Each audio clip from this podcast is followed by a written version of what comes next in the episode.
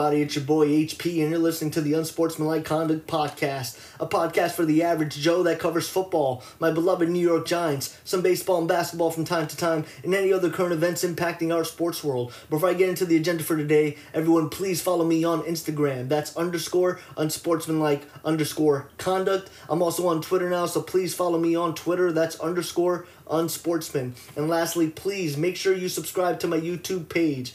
Thanks for tuning in. Let's get this show started. So, the agenda for today, guys, I'm going to talk about a couple of topics. I'm going to talk about my expectations for second year head coach for the New York Giants, Pat Shurmur. My expectations for second year defensive coordinator, James Bettcher. There's been some new movement around the team. The team looks different. There have been new pieces. Some pieces have left. I'm going to talk about all of my expectations on today's podcast.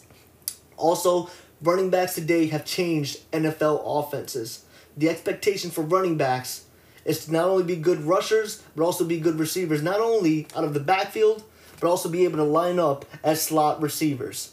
I'm going to talk about it all on today's podcast. Let's get this show started.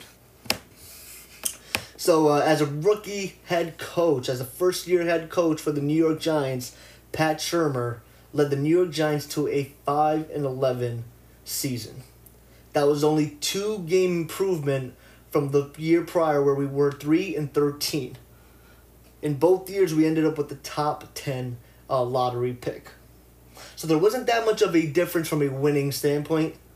I think teams expected us to score a lot more points with Pat Shurmur as our head coach, given what he's done, what he had did previously with the Minnesota Vikings. I mean, if you really think about it, Pat Shurmur did such a great job with the Minnesota Vikings and Case Keenum that Case Keenum ended up being a hot commodity and teams wanted him. Teams were willing to trade for him. Teams were willing to pay him big money. And look, Case Keenum isn't that good of a quarterback, but Pat Shurmur made him look like it. Pat Shurmur designed a pretty good offense. They put together a pretty good offensive line there, and their running game was designed very well too. Pat Shurmur did some really good things for that Minnesota Vikings offense, which was why they were able to go to the NFC Championship. And so he became one of the hottest coaching candidates in that offseason, and the New York Giants grabbed him as our offense uh, as our head coach. And you know, I think for the most part, he did a decent job for the New York Giants last year. I know our offense started pretty slowly last year. But you know, he is a first, he was a first time head coach. This wasn't the first uh you know, this is the first time Pat Shurmur was a head coach for an NFL team. He had new weapons to look at. He had a new quarterback. There was an offensive line that wasn't as complete as that Minnesota Vikings offensive line was. So there's a lot of pieces, a lot of moving parts, a new structure to come into and sort of rebuild. Technically, even though the Giants had some competitive pieces, with the new general manager and Dave Gettleman, the team was clearly going to, into a direction where they weren't going to keep a lot of those pieces. So because of all those moving parts, I gave Pat Shurmur a pass for last year's 5 and 11 season. Because what I did notice is in the second half of last year, after our first eight games, we started to score more points. We were averaging, you know, between 20 and 30 points a game. And then if you look at the last four games that a patch, uh, you know, for the New York Giants last year, after OBJ was out, so OBJ was injured the last four games of, uh, of the 2018 season last year. We faced the Redskins. We ended up scoring 40 points against the Washington Redskins, who have a really good defense. The only outlier is that the Tennessee Titans game, we got shut out. We had zero points there. But the next week, we scored 27 points against the Indianapolis Colts. The Colts were firing on all cylinders at that point. They're one of the hottest teams in the NFL, and we scored 27 points against that team. And then lastly, against the Dallas Cowboys, we scored 35 points. So we've shown, Pat Shurmur has shown that once he got into the groove, once he was able to completely understand the tools of this offense, and again, this was with this was without Beckham in the lineup, he knew how to generate points and generate yards. And so that's why I believe that this year, a lot of that's going to change. I think out of the gate, our team will be a little bit more better than we have been in the last couple of years. Because if you think about it, in the last couple of years, our team, the New York Giants, always start off slow in games. Our defense usually keeps us in the games, but we're not able to drive down the uh, drive the ball down the field. We're not able to score enough points. Now, don't get me wrong. I think our team's still gonna have trouble scoring some points, but I don't think we're gonna be having these cold starts that we were so used to having in the last couple of years. There's it's one more year with uh what this is his second off season with Eli Manning. The offensive line is finally complete. It's another off season with Sterling Shepard, another off season with Evan Engram, and another off season with one of the best running backs in the game in Saquon Barkley. And you know what? Believe it or not, whatever you want to think about Odell Beckham Jr. and his character, while I don't think Odell Beckham Jr. was a cancer to the team, I do believe he, he was a distraction to the team. Because I remember, I remember when Pat Shurmur got hired, one of the first questions he get he got asked was about Odell Beckham. Every other interview was about Odell Beckham. What's your relationship like with OBJ? Those weren't questions that a new head coach, especially with New York media, should have to answer. It was almost as if like the coaching staff every week, week in and week out, had to uh, uh answer questions on behalf of OBJ's uh, sort of behavior, whether it's on or off the field, with respects to his sort of, you know, his commitment to the New York Giants or his, uh, you know, on field antics or his pouting and his sort of complaining about not getting the ball or his body language. This is the first offseason where no one cares about OBJ anymore because OBJ is not on the team. Pat Shurmur has a more clear mind, clear mind coming in, and expectations. I think overall from the media aren't as high this year because you know what I think this is the first year in a very long time that the New York Giants really aren't expected to win any more than maybe eight games. There are some teams. Uh, there are some you know analysts and predictions out there. I've seen all over social media have the New York Giants winning maybe three, four, five games again. But I think people need to remember Pat Shurmur does know how to create an offense. He does know how to build an offense. If he can do that with Case Keenum and the Minnesota Vikings, I think he can do that with this Giants team. And I've been hearing a lot of good things out of training camp from our offense. Sterling Shepard, folks, from what I'm hearing about Sterling Shepard, I'm, I'm hearing and also seeing from the tape, he looks unguardable. He's having a crazy training camp right now. Well, not training camp, but he's having crazy mini camp right now. Darius Slayton, the rookie that we drafted, I believe, out of Auburn. He's one of our burner receivers, and you know while he hasn't had the same forty time as D Jax as DeSean Jackson, I think he can serve as our DeSean Jackson. Definitely find him in, in you know in, in, in some of our four wide receiver sets. He'll definitely get some snaps this year.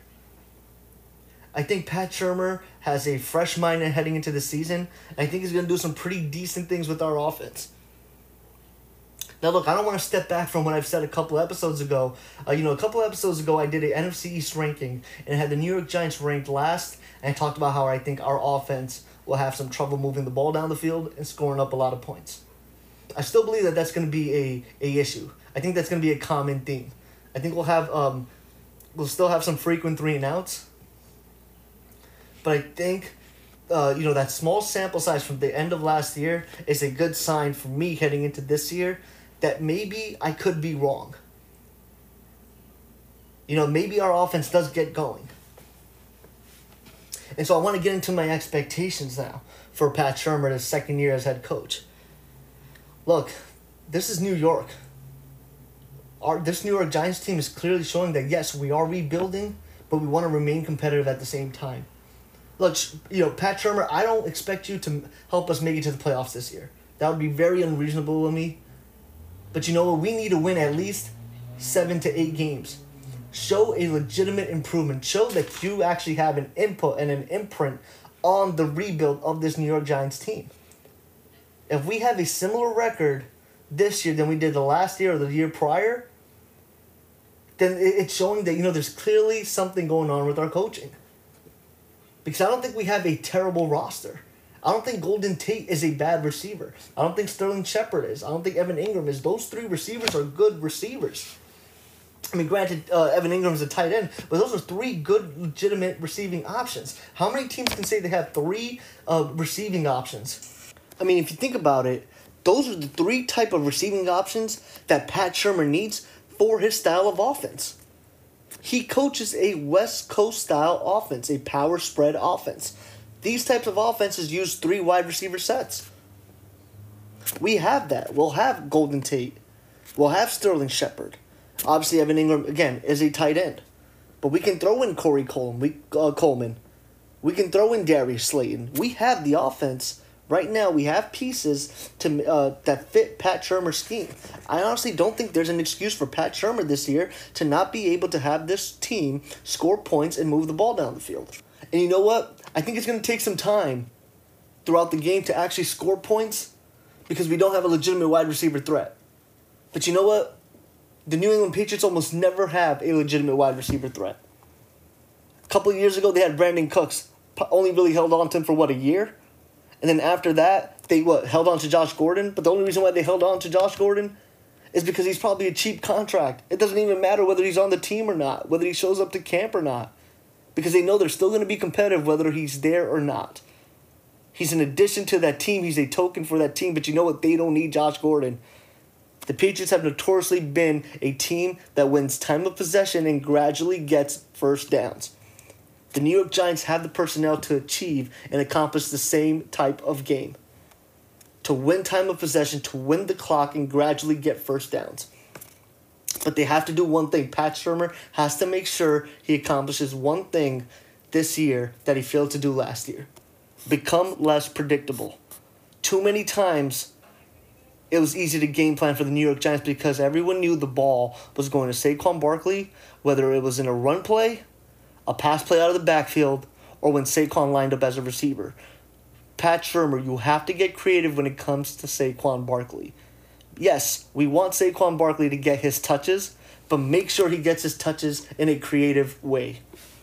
Also, another thing that Pat Shurmur failed to do earlier on last year, which which was why Saquon Barkley sort of struggled from a rushing standpoint. He wasn't always getting his groove right away, right away, is because Saquon Barkley was barely getting over 15 touches Saquon Barkley is a healthy looking running back. He's a young running back. He has to get between 20 to 25 carries, not 15 carries and then 10 receptions. He has to get between 20 to 25 carries. If Saquon Barkley gets going and he gets his groove going, gets his legs and feet uh, feet under him, he's going to be even more unstoppable. And now we have the capability to give Barkley that many more carries because our offensive line is finally complete. So that is my recipe for this offense. It starts with the creativity for Saquon Barkley, and that's what's going to open up everything else for Golden Tate, for Sterling Shepard, and Evan Engram. Because that's what's going to allow us to gradually move the ball down the field, get these first downs, burn time off the clock, and then we can throw one of these receivers in for a deep play. And I mentioned how I've watched some of the tape from camp uh, for Sterling Shepard. They've shown Sterling Shepard run deep routes. So you know what? Don't be surprised if Sterling Shepard is utilized on deep post uh, post routes or corner routes, because I think Sterling Shepard is showing this year that he has the capability to be that deep threat. So even in those cases where we're gradually going down the field, now we can finally go for that big play because we've been so creative throughout that drive with Saquon, with Golden Tate, with Shepard. Shurmur, you have to get creative with Saquon. That's where this that's where this starts. If you run the same type of offense, the same type of play calling as last year, this offense is going to do the same thing. It's going to start off cold, it's going to be predictable and easy to defend.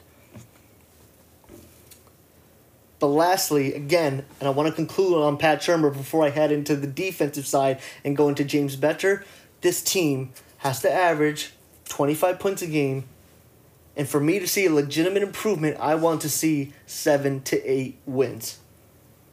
Anything over seven, eight wins is a premium for me.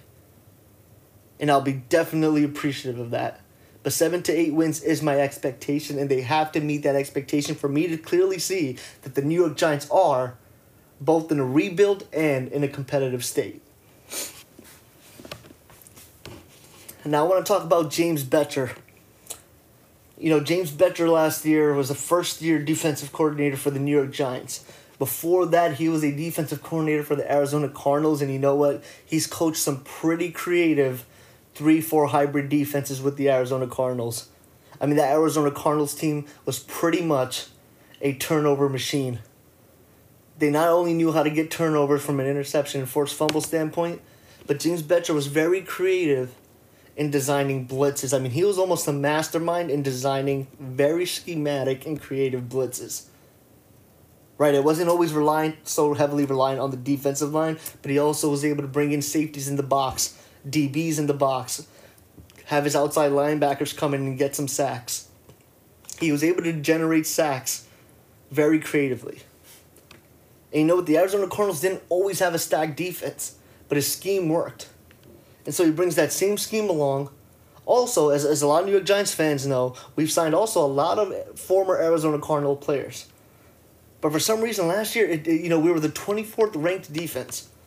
We did get some turnovers. We did generate some tur- turnovers in the uh, you know second half of the of, uh, of the season last year, which was a good sign. But we were the 24th ranked defense last year. We gave up, we gave up a lot of yards.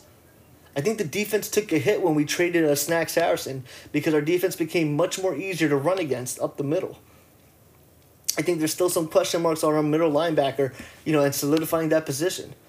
Because for some reason, James Bettcher does not play BJ Goodson, and that's where I want to start off. James Bettcher, you have to play BJ Goodson. I I know you know, I think a lot of co- uh, you know the coaching staff is hesitant and doesn't think BJ Goodson is an all down linebacker. I truly believe he is. He's always there to make every single play when he's on the field. You have to let him play, even if he's liability in pass coverage. Linebackers are supposed to be liabilities in pass coverage. If you're so scared on pass down, then run nickel packages. We have enough DBs now, which I'll get into in a bit you have to play BJ Goodson a lot of snaps. Another linebacker that we have to have a lot of snaps, who I think is going to have a great and tremendous year if he does get enough snaps, is Lorenzo Carter. I have no idea why Lorenzo Carter did not play enough snaps last year. He was a rookie linebacker last year, but every time he played, he was effective. And he was always effective in the most crucial times, especially when the team, when opposing offenses were driving the ball down the field. Lorenzo Carter was most effective. That's when Lorenzo Carter got most of his sacks and some of his interceptions as well.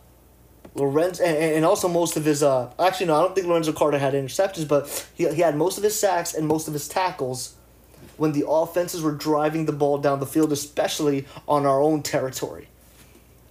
You have to play Lorenzo Carter more. You play those two linebackers enough snaps with Alec Ogletree. I think we have a pretty good core of linebackers. I think we're set to have a pretty good defense this year. Now again, I'm very critical of the Giants not um, you know, signing or drafting a premier pass rusher.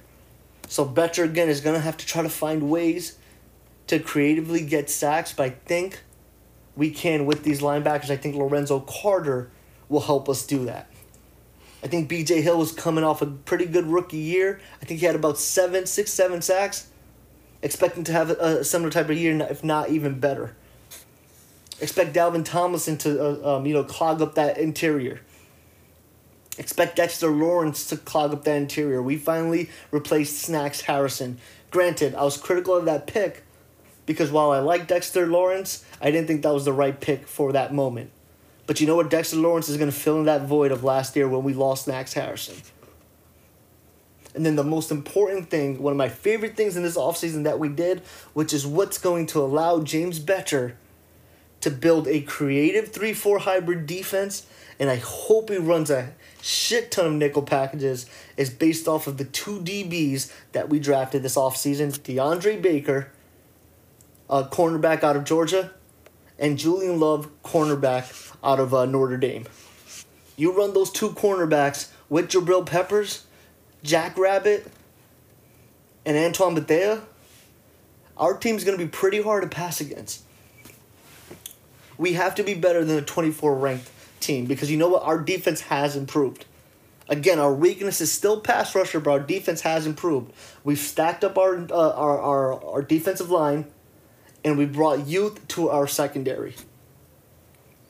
And again, I've and, I've said this before. This is going to be the issue with the New York Giants defense this year because we won't be able to get pa- uh, pass rush to the quarterback organically with our defensive line. It's going to put a lot of pressure on our young DBs to make plays. I think, you know, look, Jabrill Peppers, this is his first year where he's going to be the lead safety of that team, getting, you know, almost majority of all those snaps. And then with those two young DBs, and then Janoris Jenkins is obviously is a year older, but he's also having a good camp. There's going to be a lot of pressure on our DBs to make plays because I think quarterbacks are going to have more time to throw the ball against us because we're going to have we're going to be struggling again this year to get to the quarterback. But because of that, I think our team's going to be and has the capability of being one of those defenses where it's a bend don't break defense. Where we give up yards gradually, we'll give up first downs, they'll drive on us, but because our secondary is still talented enough, we can make stops at the right time, at the right moment, to force teams to go for field goals instead of scoring touchdowns against us. So I do do I think that we'll probably give up yards? Yeah, probably.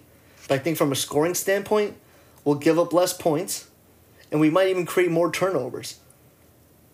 And I think from a running standpoint, our rush defense will definitely improve because we've clogged up that interior. And again, James Bettcher has to follow these techni- uh, the these concepts. Play Lorenzo Carter more, play BJ Goodson more. Play them as all down linebackers. Don't be selective on the way you play them. Don't be hesitant on letting them just pin their ears back. Don't be hesitant on letting them get exposed. Let them get these snaps in. And then also run uh, various nickel packages because we have enough DBs now to do so. And you know, I mentioned that our DBs are young, so they may make mistakes and we may get burned at times because we're not going to have a pass rush to help lay the pressure off of our DBs. But you know, for whatever it's worth, the two defensive backs that we drafted were the top two, top three, top five defensive backs in the whole draft. You know, like there was an award that goes out for the top defensive back in college.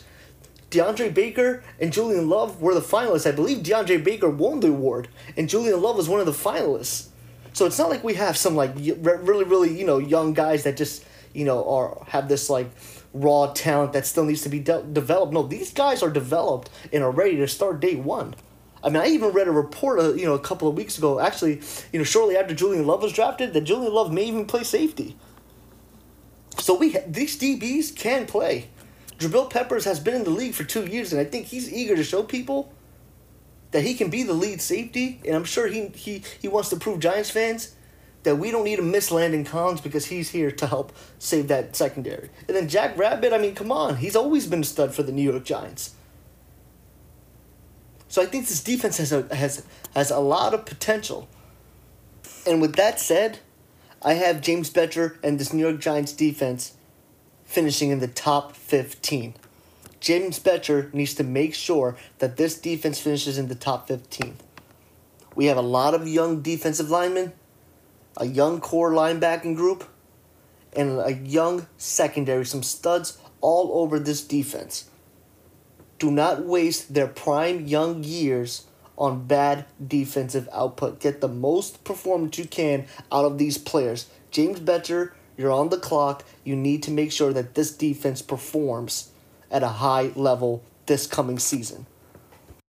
And now I want to sort of transition into my next segment. I want to talk about how the running back position has changed over the last couple of years and how today's NFL offenses require running backs to not only be great when they're rushing in between tackles and on sweep plays, but also being great receiving backs out of the backfield and even having some of these running backs line up as slot receivers.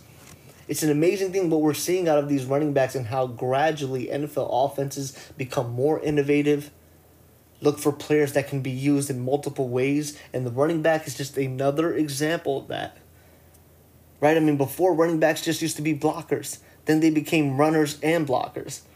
Sometimes you only have running backs that can run in between tackles. Then they look for running backs that can run outside of the tackle on sweep plays. I mean, this running back position has grown so, you know, just very tremendously over the last several years. Now we have running backs that can not only run really well, but that can also catch really well. Some of these running backs, not, you know, may not necessarily lead their team in receiving, but are definitely in the top two, top three in the receiving category for their team. And in many times, these running backs, because they're dual threat running backs, are the be all end all for their offenses. And I was sort of, as I was preparing for this episode, I thought, like, I was just sort of thinking of all the running backs. Almost half the league has running backs that are starting running backs that can do both things so well run and catch the ball. And I'm just going to name, I'm actually going to name about uh, many, many running backs. So, guys, get ready. Saquon Barkley, New York Giants. Alvin Kamara, New Orleans Saints. Christian McCaffrey, Carolina, Carolina Panthers. David Johnson, Arizona Cardinals. Le'Veon Bell, New York Jets, Todd Gurley, Los Angeles Rams, Ezekiel Elliott, Dallas Cowboys. And you know, I just want to stop before I continue to name more running backs. I mean, Ezekiel Elliott has shown when he's not in the lineup, Dak Prescott struggles. That's because Zeke not only was a great runner, but it was also great out of the backfield. That Dak literally relied on Zeke to give more than half of that Dallas Cowboys offense. James Conner, Pittsburgh Steelers, Kareem Hunt, previously on the Kansas City Chiefs. I think once Kareem Hunt end, uh, comes off of his subs, uh, subs, suspension, he'll definitely get some uh, start worthy snaps and share those snaps with Nick Chubb on the Cleveland Browns. Aaron Jones, Green Bay Packers, Tarik Cohen, Chicago Bears, Joe Mixon, Cincinnati Bengals, Jerick McKinnon, San Francisco 49ers, Melvin Gordon, Los Angeles Chargers, Damien Williams, Kansas City Chiefs. I mean, those are 15 running backs. That's almost half the league. And I stopped after that. I stopped after 15. Uh, I mean, you know, James White, New England Patriots. Granted, James White actually, I'll actually redact that one because James White isn't as good of a runner. He's more used in sort of pass down situations. But I just named so many running backs that are the lead running backs that are not only going to get most of the carries, but also most of the snaps, even on pass downs. It's very, very incredible. I mean, the fact that we see running backs line up as slot receivers at times. I mean, think about it from a matchup perspective, how crazy that is. Right? Because, look, we all know receivers can uh, line up as slot receivers, and, and tight ends can line up in and out of the line of scrimmage. But when a running back does it, running backs are usually the, one of the more harder positions to bring down. And I'm just going to break this down a little bit more. So every time a linebacker usually defends a receiver, a tight end, or a running back, that's a mismatch within itself because linebackers aren't that fast to defend these fast offensive players. So we already know that's a mismatch. So once that running back catches the ball, gets open, and hits second level of that field, do you think those DBs can bring running backs down? DBs know how to tackle wide receivers because DBs and wide receivers are usually around the same size. Maybe not in height, but in frame they are. But these DBs are nowhere near the same frame as these running backs. That's why these running backs are so effective, so dangerous. That's why all the these they're breaking so many all-purpose yards year in and year out. That's why NFL offenses are literally designing to get these running backs open in addition to their carries, in addition to 15 to 20 carries a game. I mean, to, almost to a fault because we've seen Pat Shurmur, as I mentioned early on in this podcast, to a fault where it was so clear that Saquon Barkley was going to get a ball, was going to get the ball in, in, in many of those third down situations. And the more, more crazier stat to mention, many of these running backs that I just mentioned get have greater than 40 receptions in a year. Maybe with the exception of a couple of them due to injuries and just uh, you know not getting enough snaps yet. But these guys are getting wide receiver like numbers. Wide receiver two, wide receiver three uh, option uh, type of th- statistics. Which is why, you know, when you think about it from the Le'Veon Bell standpoint, when he was sort of having that contract negotiation with the Pittsburgh Steelers, Le'Veon Bell was thinking, hey, I'm not your typical running back. I'm also one of your best wide receivers on this team. Yeah, you have Antonio Brown, but you're also relying on me to run routes. I'm literally giving you more than half of the offensive production on this team. That's why I want to get more money than what the market is offering the best running back. I mean, that, that, that's essentially what it comes down to. All these running backs can do both of these things so well. And, you know, it sort of reminds me, I feel like this is just another situation, similarly to how the New England Patriots sort of revamp the tight end position, making the tight end one of the more important receiving options in NFL offenses today. I feel like they've made the receiving back one of the more important uh, pieces in a running back uh, group. You know, they had that with the James White. They had that with Shane Vereen. Those two running backs were so effective, so dominant in the pass game. I mean, even to a standpoint where they would get these first downs, these gut wrenching first downs late in games to close out games and late drives. I mean, the New England Patriots literally are, are, are sort of, they're sort of always reinventing the wheel, always finding new ways to get players involved in different ways, to attack defenses in different angles, different perspectives. And the NFL is always behind the New England Patriots. And look, I'm a New York Giants fan. As you guys know, I hate the New England Patriots. But I got to give credit when it's due. Bill Belichick and the New England Patriots are always reinventing the wheel. And that's another, that's another aspect that they've reinvented in NFL offenses. The dual threat running back, the running back that can also catch the ball out of the backfield from screen plays and even lining up as a receiver it's just some pretty impressive stuff to see. It's pretty impressive stuff to watch and think about it. These running backs that I just named are running backs that are probably, uh, you know, are, are the top running backs in everyone's board from a fantasy football perspective. Because these guys are going to get you 50 to 60 catches a year. These running backs are also going to be relied upon to pick up the slack for other receivers and tight ends that not don't end up having the greatest games from a fantasy football perspective. I mean, that's what Christian McCaffrey did for me last year. There were times where my wide receiver two, my wide or, or my flex wide receiver, wasn't getting enough receptions. Maybe he didn't get enough targets, but the running back, Christian McCaffrey, was always getting the targets. Him and Saquon Barkley had, what, 70, 80 receptions?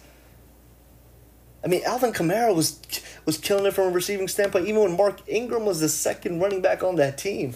And now that Alvin Kamara is going to be the clear number one running back on that Saints team, I mean, I know the Saints signed Latavius Murray, but look, man, I think they know that Alvin Kamara is going to be that lead back. I don't think Latavius Murray is going to threaten Alvin Kamara's statist- statistics from a receiving standpoint. And then when I just think about which running back sort of really, you know, pioneered this over the last couple of years, which was the one running back while while the New England Patriots did pioneer this from a game plan and off uh, NFL offense standpoint, when I think about which running back mastered the dual threat running back over the last several years, it's got to be David Johnson, running back from the Arizona Cardinals. I mean, this was the first running back that I think everyone saw from a wide, from fantasy football perspective. This is the guy that can get you statistics on both from both uh, you know aspects of an offense, rushing and receiving. Because think about this, right? Even from a standard perspective, you're getting points from his receiving yards and his rushing yards you have the potential to get points from his receiving touchdowns in addition to his rushing t- touchdowns. And then from a PPR, I mean, he just becomes a PPR monster because he's going to get his targets, he's going to get his receptions, he's going to get his receiving yards, and then again, he's going to get his receiving touchdowns in addition to his rushing stats. Running backs like David Johnson have not only been beneficial to fantasy owners like myself, but they've also been beneficial to quarterbacks rookie quarterbacks or quarterbacks entering into a new o- offensive system. They take the pressure off of quarterbacks to not have to always throw the ball down the field, to rely on a running back to get them a 5, 6, 7, or even a 10 yard reception, get them that first down. Takes the pressure off of uh, uh, offensive coordinators when it gets closer to the goal line. You know, your first and five or your first and goal, second and goal, third and goal and you know you you know you see that your running plays aren't working because they're clogging up the lane. So what do you do? You have the running back run out of the backfield, find the running back wide open, literally can walk into the end zone sometimes. How many times have we seen that? Where a quarterback just has to turn around, flick the ball over to the running back, and he's literally walking to the end zone. Because the defense didn't foresee that there, that there was going to be a pass play to the running back this running back position has been, uh, you know, definitely revolutionized to the point where even if you're a team heading into the NFL draft, that is something that you want to consider. Can this running back do more than just be a great runner? Can this running back be a dual threat running back? Is this running back worth picking so high? I think that's why it was worth picking Saquon last year with the number two uh, overall pick because the New York Giants knew they were getting more than just a running back. They were getting a pure athlete, a pure NFL football player that not only can run the ball well, but can also receive the ball well, catch the ball well, and then when he's in space, create havoc, make people miss. He's a mismatch for linebackers, and when he's in space, he's hard to bring down by those DBs. And so are the other running backs that I named earlier on in this segment. The running back position has changed and NFL offenses are making sure that that's a priority, that they can grab a running back that can accomplish that. Dominate in the run game and dominate in the pass game. And if they don't, If they're not able to find the one running back that can do that, they make sure that they can have two types of running backs. Running backs that can run the ball and then running backs that they can bring in on pass downs. The Philadelphia Eagles do that. The Indianapolis Colts can do that. The New England Patriots have done that. The Miami Dolphins have done that. I mean, many of these teams can under, understand that every uh, every running back coming out of college can't do both. So they make sure that they can draft running backs that can do either or, so that they can create and mix up packages as they're going through their uh, sort of possessions, as they're going through the downs. So if, the, if it's a running down, they'll bring in that running back that can be a pure runner. When it's pass situations, they'll bring in that running back that is great at route running and great coming out of the backfield and catching that ball and getting extra yards for that first down. And guys, that's about it for episode 10 of the Unsportsmanlike Conduct podcast. Thanks for tuning in. It's always a pleasure. Please, again, make sure you follow me on Instagram. That's underscore unsportsmanlike underscore conduct. I'm also on Twitter now, so please follow me on Twitter. That's underscore unsportsman. And lastly, you finished this episode, so you might as well subscribe. Please subscribe to my YouTube page. It's always it's always a pleasure. Thanks. Peace out. It's your boy HP. The podcast you just heard was made using Anchor. Ever thought about making your own podcast? Anchor makes it really easy for anyone to get started. It's a one stop shop for recording, hosting, and distributing podcasts. Best of all, it's 100% free. Sign up now at anchor.fm slash new. That's anchor.fm slash new to get started.